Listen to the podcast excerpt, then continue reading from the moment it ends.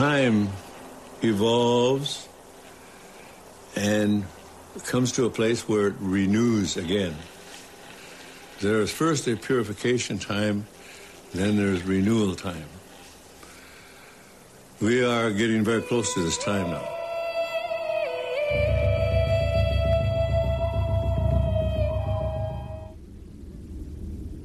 We were told we would see America come and go.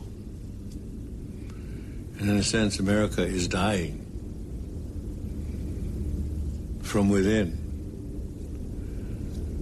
because they forgot the instructions on how to live on earth.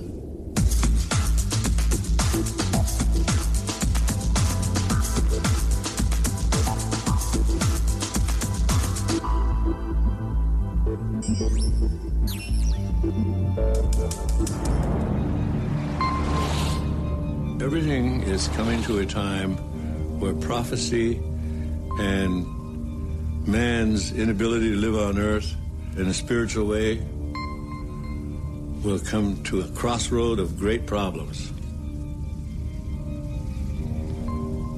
It's the Hopi belief, it's our belief that if you're not spiritually connected to the earth and understand the spiritual reality of how to live on earth, it's likely you will not make it. When Columbus came, that began what we term as the First World War. That was the true First World War when Columbus arrived. Because along with him came everybody from Europe.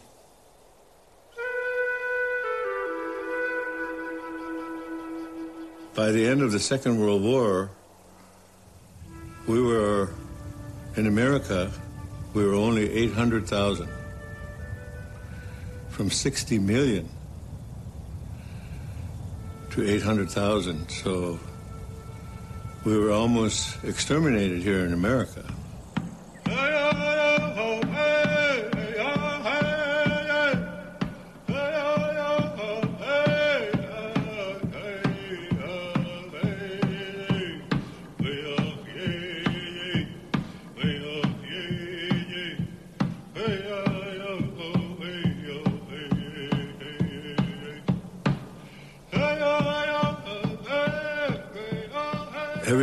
Spiritual. Everything has a spirit. Everything. Everything was brought to you by the Creator, the one Creator. Some people call him God. Some people call him Buddha. Some people call him Allah. Some people call him other names. We call him Tonkashila, grandfather.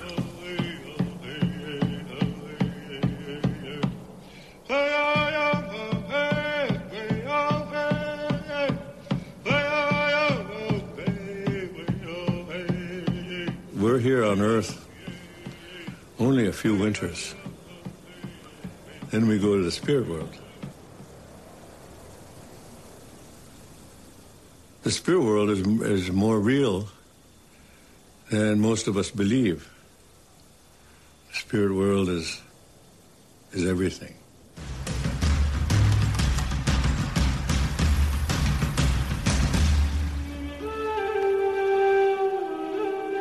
95% of our body is water. And in order to stay healthy, you've got to drink good water. When the European first came here, Columbus, we could drink out of any river.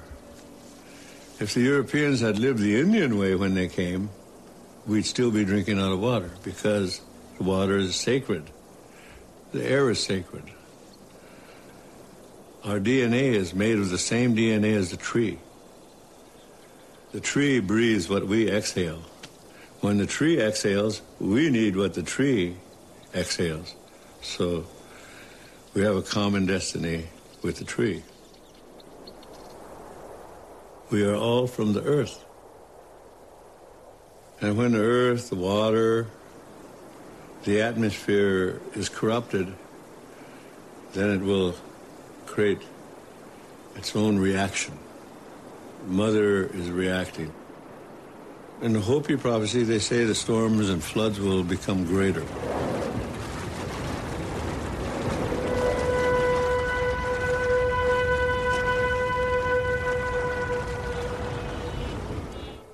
To me, it's not a negative thing to know that there will be great changes. It's not negative.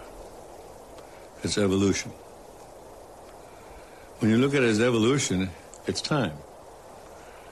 Nothing stays the same.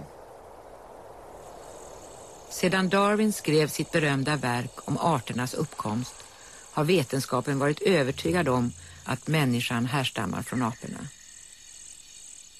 We always say that might be your ancestor, but it's not our ancestor. He is a relative, but not our ancestor. You should learn how to plant something. That's the first connection. You should treat all things as spirit. Realize that we are one family.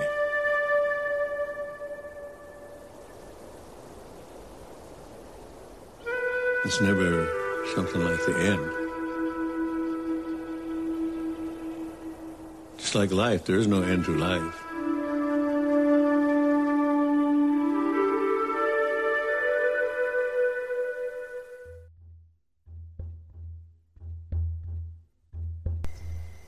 Walk in Beauty, prayer from the Navajo people.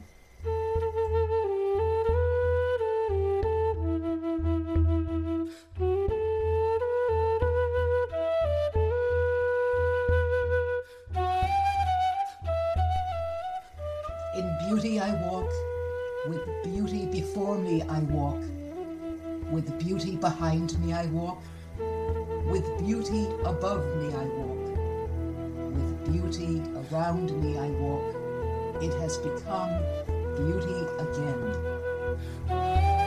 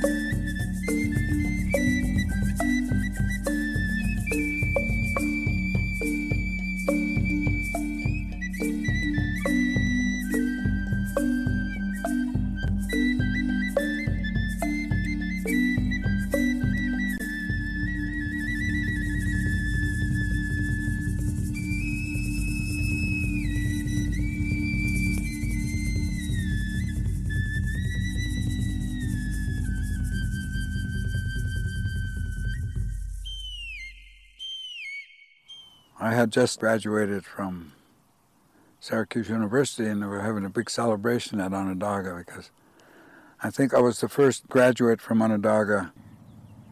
My uncle said to me, so, sitting on the Council of Chiefs at that time, and uh, he said, well, let's go fishing. And I said, that's a good idea.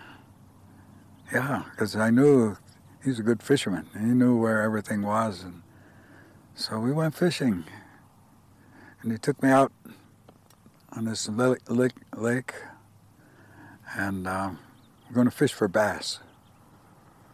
So I was very happy to be sitting there in the boat. And they had the motor, small motor, 15 horse. And we went out and anchored by a bluff. And uh, a lot of bass there, run right straight down and so we got our lines out and we were sitting there. And he said, Well, you just graduated from university. Yeah, I said, I did. That's good. He said, You know, it's been a long time since we had anybody do that. Yeah. What you learn? Oh, I said, I took painting. I learned a lot about painting. That's good instruction, helped me out. That's good, he said. What else you learn? I said, I learned about people. I, you know, pretty much brought up at Onondaga. And I said, different kinds of people. They think different. Yeah, I says, that's very true. I said, what else? I said, well, we had a good coach. Coach Simmons, good lacrosse coach nice man. Yeah, he says, I know Coach Simmons, a good, good man. Very nice man, he said. Well, then, he said, he was sitting there. Then you must know who you are, he said. And I said, yeah, I think so. So we're just quiet for a while, and he says, can you tell me who you are? And I began to understand that I was sitting on one end of the boat, and he was on the other end of the boat by the motor, and I was kind of captured there. I said, Well, I said, I'm Joagquisho. Mm-hmm. He said, old name. He said, It's an old name. Yeah, I said, I have that name. And I went on through my name, Oren Lyons, my mother's name, my father's name, and their clans. My father was an eel, my mother was a wolf, and we go by the mother's side, so Wolf Clan, yeah. And uh, then he would say, and that's it, huh? That's it. That's who you are. And I realized, you know, I was being really cornered here, and he was he was pressing me. And I went on to everything that I could possibly think of, and every time I would finish, he would say, That's it, huh?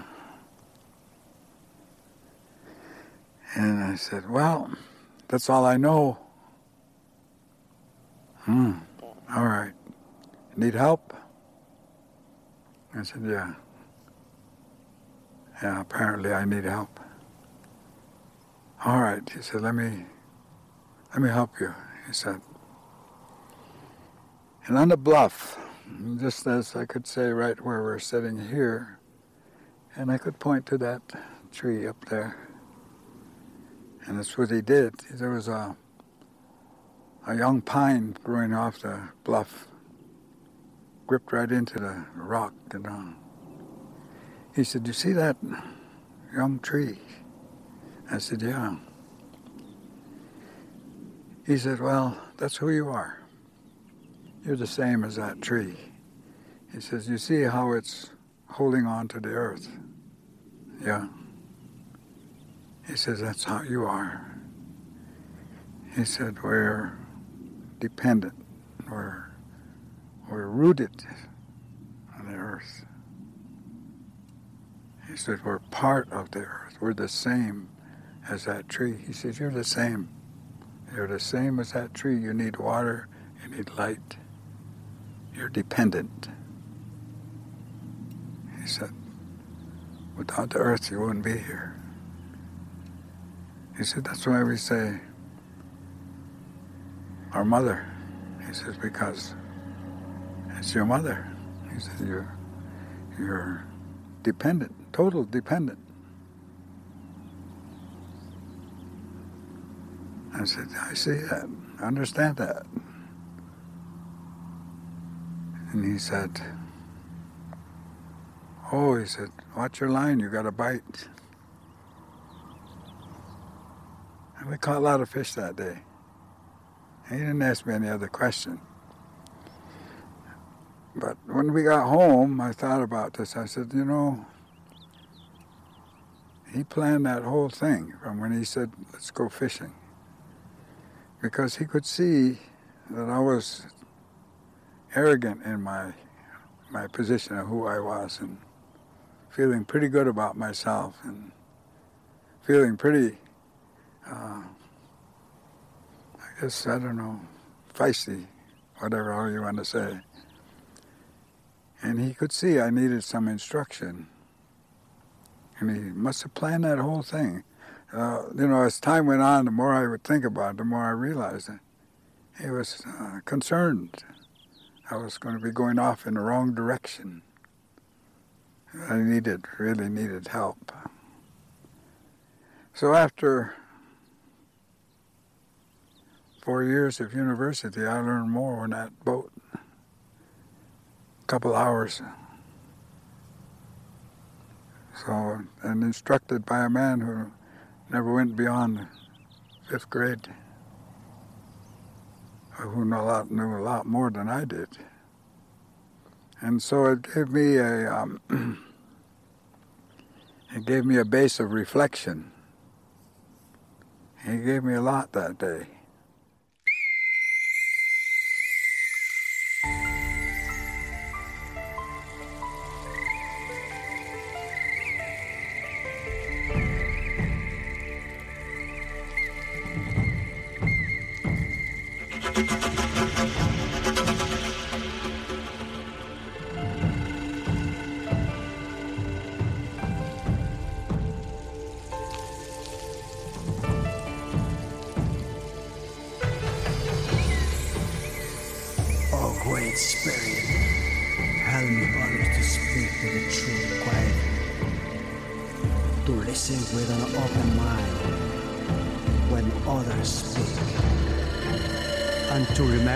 peace that may be found in silence.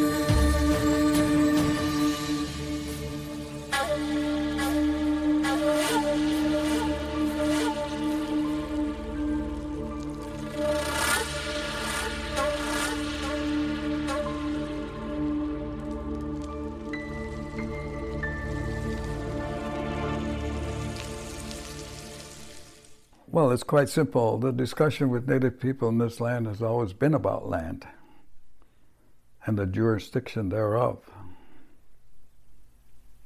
That's what it's all about.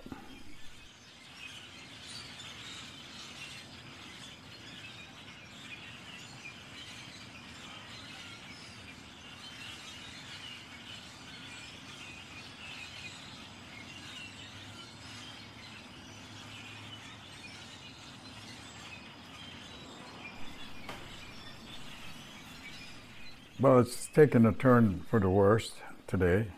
The Corps of Army Engineers have issued a statement saying that they are going to close the camp uh, by December 5th. So obviously, there's been some decision made at, at a high level to uh, to deal with the native people there, and uh, they're putting a strong fight on good principle but that's not going to prevail.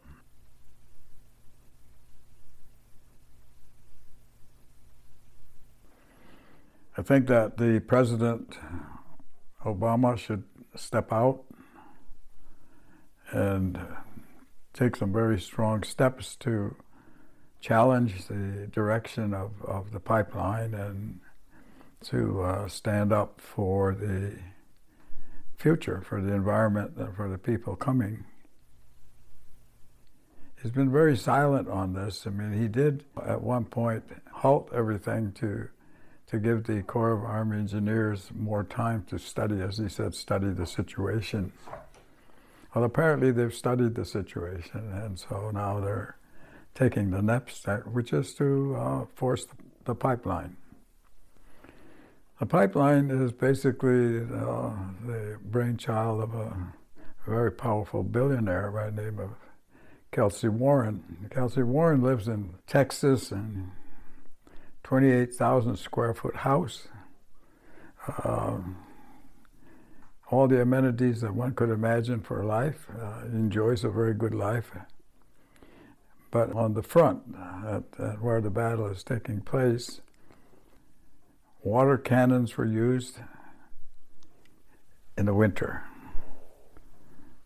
The last people that I know that did that were the Nazis. The Nazi Germany did that, first of all, to chastise people, but also to experiment to see how long people could survive after being uh, wet down in the middle of the winter. And uh, today, you know, in the past weeks, that system has been used here in America. Uh, to me, that's really astonishing that that's allowed to, to go uh, through and violates uh, human rights of everybody involved, fundamental rights of survival and decency and common sense. But that's the attitude. That's what you're up against. There's law, there's rule of law, there's treaties, all of that being trampled on and misdirected. And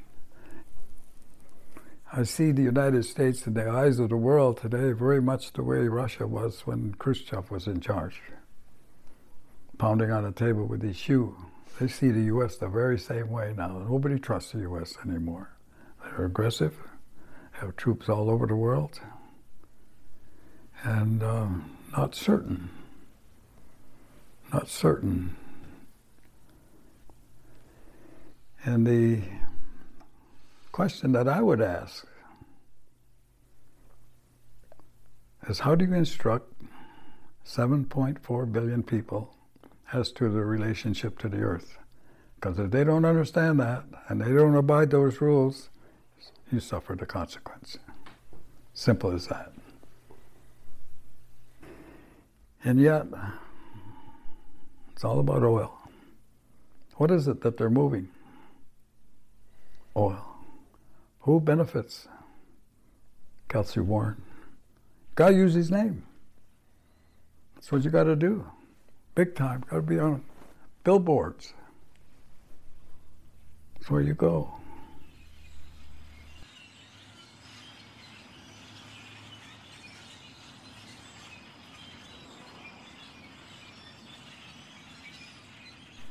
All right, so you asked the question. Now you're getting close to what you came here for. What's happened is that the American public has not been educated to the history of this country and especially to Native people. So that question has to go to the President of the United States and to people who are in charge. The Corps of Army Engineers, come on. Where are you at? EPA, where are you at? I mean, you're talking about water. Water. Water's life. But this is today on Obama's watch. This is Obama's watch. And he worries about his legacy. His legacy is going to be what happens at Standing Rock, one way or the other. Now, he can make a stand and, and have the next coming uh, administration have to undo the work. To me, that would be the most common sense for him to do, make it as hard as possible for them. Set up everything. Hmm. So they have to undo it publicly. Because if, they, if he doesn't do anything, he's going to be blamed for it.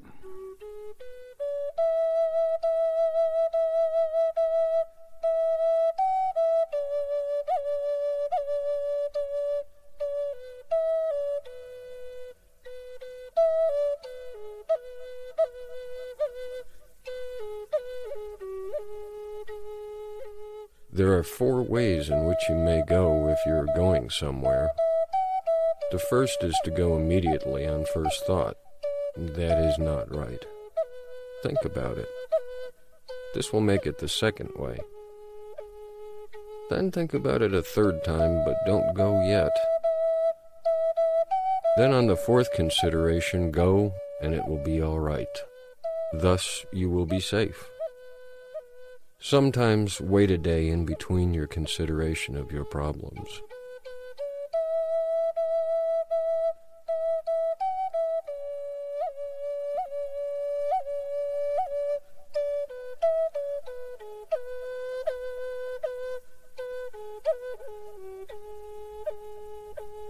My people were wise. They never neglected the young or failed to keep before them deeds done by illustrious men of the tribe. Our teachers were willing and thorough. They were our grandfathers, fathers, or uncles. All were quick to praise excellence without speaking a word that might break the spirit of a boy who might be less capable than others. The boy who failed at any lesson got only more lessons, more care, until he was as far as he could go.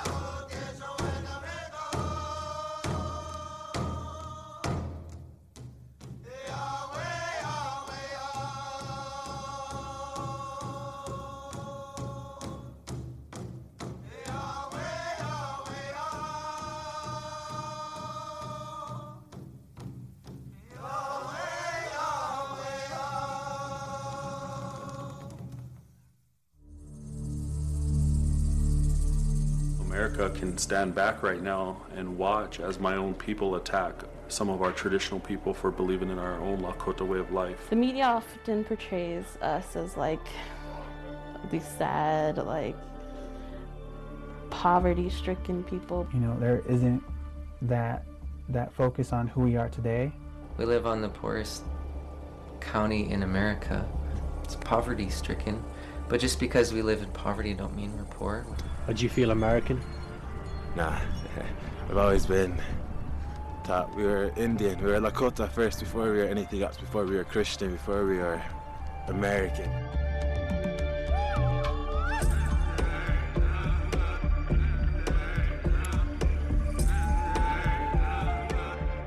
Okay, so I've just woke up in the Rosebud Reservation here in South Dakota.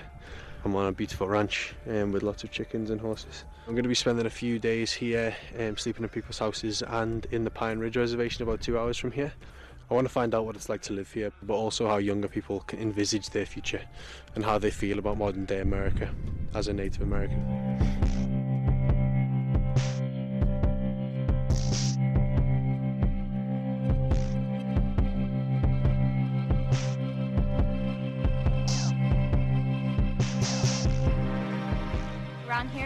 Of hard because all the drugs and alcohol. So it's a very hard place to grow up in a lot of ways. The majority of people that are working on the res, you know, you either work at the tribal office or IHS. Not much to do around here. And when you do find something to do, you usually have to travel 20 miles or so longer. There's a lot of suicides and that kind of stuff. People people lose hope. I mean, they feel oh, maybe oppressed. We've all fallen as teenagers around here, and we've all experimented with alcohol and things. It's really, it's really sad to have alcohol here.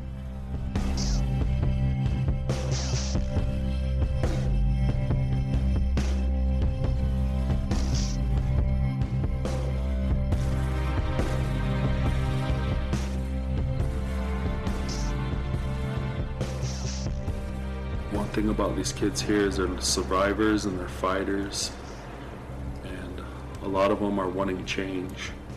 They want something different, they want something better than our adults are leaving them. We actually don't believe in the word Native American because Native American it also has the word American in it. They took everything from us. America's built on stolen lands. America is a stolen country. We used to live with everything, you know, and now we're on these little reservations and we're all clumped together and we shouldn't be like that. Like non-natives see us as um, these historic people with the uh, loincloth and headdress. Because you see the Washington Redskins, you see the Cleveland Indians, you see all of that and it's a big joke and you hear everybody knows the, the phrase drunken Indian.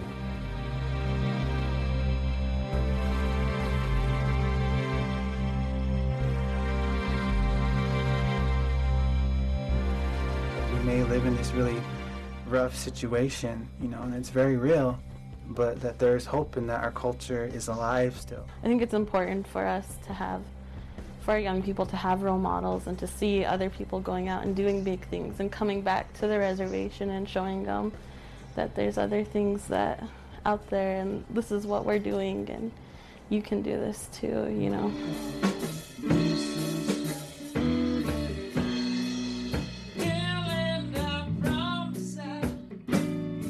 Of course, there's high rates of suicide and alcoholism on any reservation, but that's because of the lack of ability to express oneself. Hi, we are Scatter Their Own. I'm Scotty Clifford. And I'm Juliana Brown Eyes. We recently just acquired a record deal out in Los Angeles, so that'll be fun.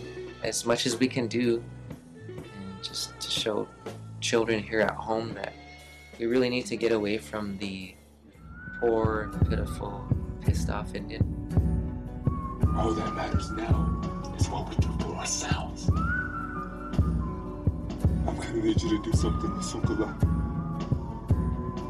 I'm gonna need you to trust me. This film is an opportunity to give, you know, our youth, our native youth, kind of uh, these these heroes and heroines to look up to. You know, um, I think that that's something that I wanted when I was growing up was to see someone like myself. You don't see a lot of native characters uh, kind of leading in in uh, in mainstream movies. You know, in big blockbuster movies, it's always uh, uh, usually it's you know a predominantly white cast. I want to see our people um, thrive and not get caught up in what outsiders think we are and stereotype us as, but rise up and show the world what we can do, basically.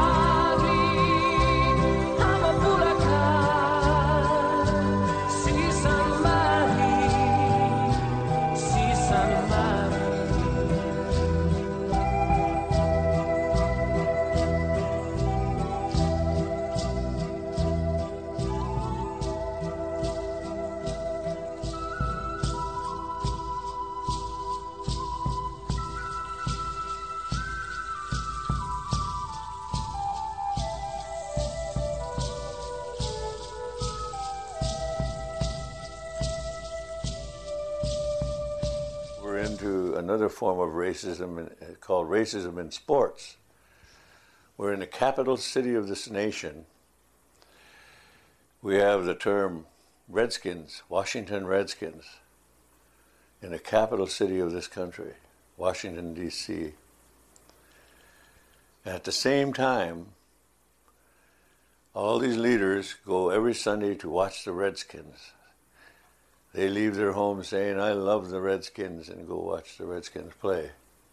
In the dictionary, the dictionary identifies the term Redskin as a term that denigrates Indian people.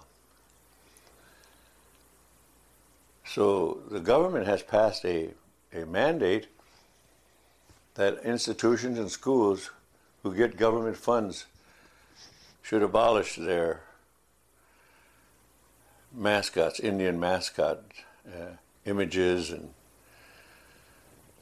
and uh, racist uh, racist uh, slogans that they have. And a lot of people, even Indian people, may not feel offended by it. But if you know your ceremonies and your culture, you'll know the offense takes place and it's obvious. So I think there's a time when all racism in sports will be abolished. It is moving slowly across this country and educating people. And in a world where we need to build on mutual respect, we first have to get rid of racism in sports, mascots. So I think the objective of AIM is to stay on the front line with that issue, even while there are many other issues that are very pressing and seemingly more important. Our children have to live under the kind of racist attitudes that are expressed through mascot racism in sports. Movies do it the same way.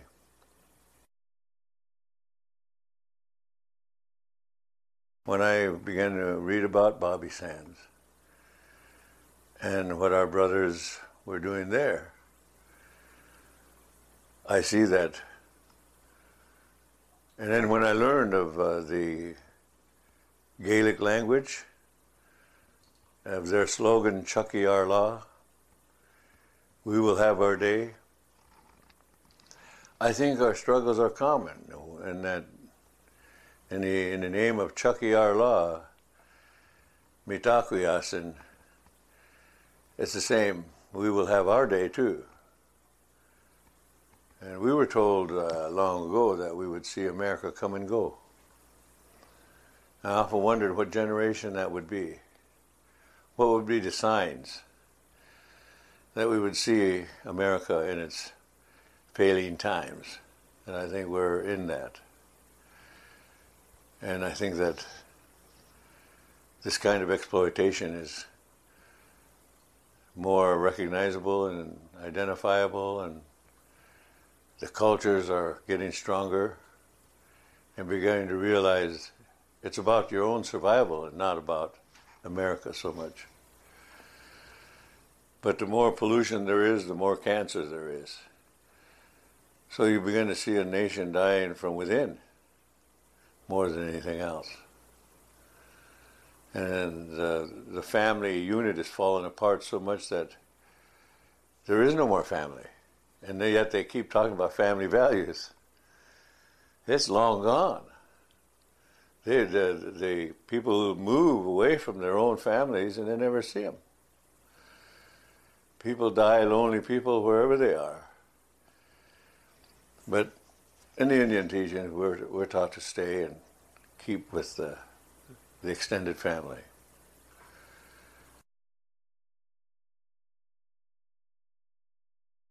Mitagyapi, my relatives in Ireland. Chazemita kankiduta Dakota oyate himielo. I'd like to extend my greeting and introduce myself as you know me and when I met you as Red Crow. Many years have passed since I spoke with many of you, and especially the special meeting with Gerry Adams, and also at a later time, a special meeting with Martin McGuinness. We are all in a struggle in this world. And I think we are committed to our own personal struggles, no matter what the time takes, no matter how long it takes. Our ancestors told us and gave us directions and how we should view our responsibilities and our objectives. And I'm very happy to have lived in this time, to have met some of the great leaders of your people, of Sinn Féin leadership. It was my honor to be part of bringing our, our drum over there with our kids in our survival school.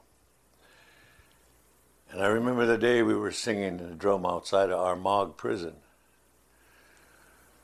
And uh, British troops came and put the guns on us and told us to leave, and we didn't even move. What were they going to do? right there. But we finished our song. And that song rang out through that prison, I understand, to everybody in there. And then meeting you, Gerry, and when you told us your first statement that you wanted to apologize to us Indian people because so many more Irish people killed more Indians than anybody else when the frontier was being extended into Lakota, Dakota land. That's because Irish people were frontline troops of the of the king's army. They're still being used that way, but in different forms. But we know your people and many of your people here. And Irish people are just as beautiful as anybody else and we we share a lot of good future memories in our struggles together. I've been to Amazon jungle in Brazil and spoke to leaders there, Indian leaders. I've been to Hawaii and I've been to Central and South America and uh, South Pacific Islands. And there's a larger struggle going on for all of us. And I think our, our ways are part of a diverse world that needs respect. Our ways need respect, much like yours. As my thoughts continue on about how you are today in your health, I want to wish you good health at this time.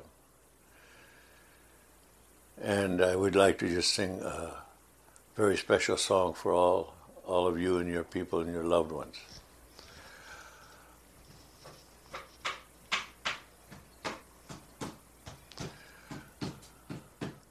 Wakatanka uwanikte ye. Wakatanka uwanikte ye. Wanikte ye. Wakatanka uwanikte ye. Hey yo, hey hey hey hey hey. Wakatanka ushe mala ye ye wayo ye ye wayo ye ye. Wakatanka u wanikte ye.